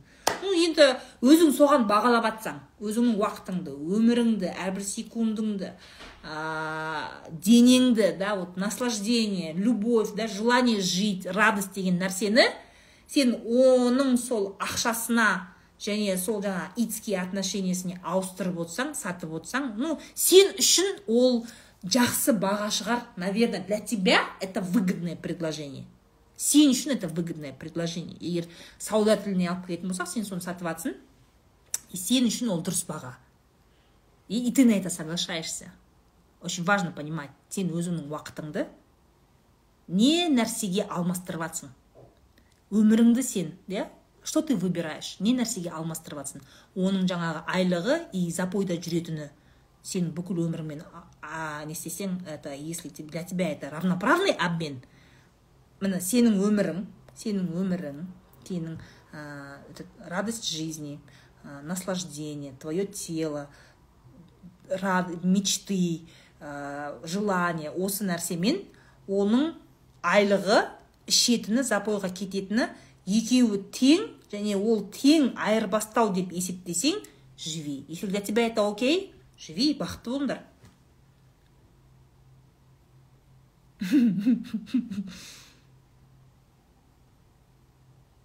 хороших парней қалай жоқ их много. Просто өздерің соқырсыңдар ғой. Сендер анау киноны көріп аласыңдар да неше түрлі жаңағыдай. Дорамадағы не сідік көз жылауық жігіттерді іздейсіңдер? Чрезмерный босс немесе дерзкийді анау ойбай анау ә, жаңағыдай. Келме десең де түнде терезеңді қағып келіп тұратын сенің личный границаңды ә, жаңағыдай ә, құрметтемейтін. Не сондай? не сідік көз дорамадағы сол екеуінің е оның ортасында адекватныйлар көп қой нет вы выбираете либо эту крайность либо эту крайность понимаете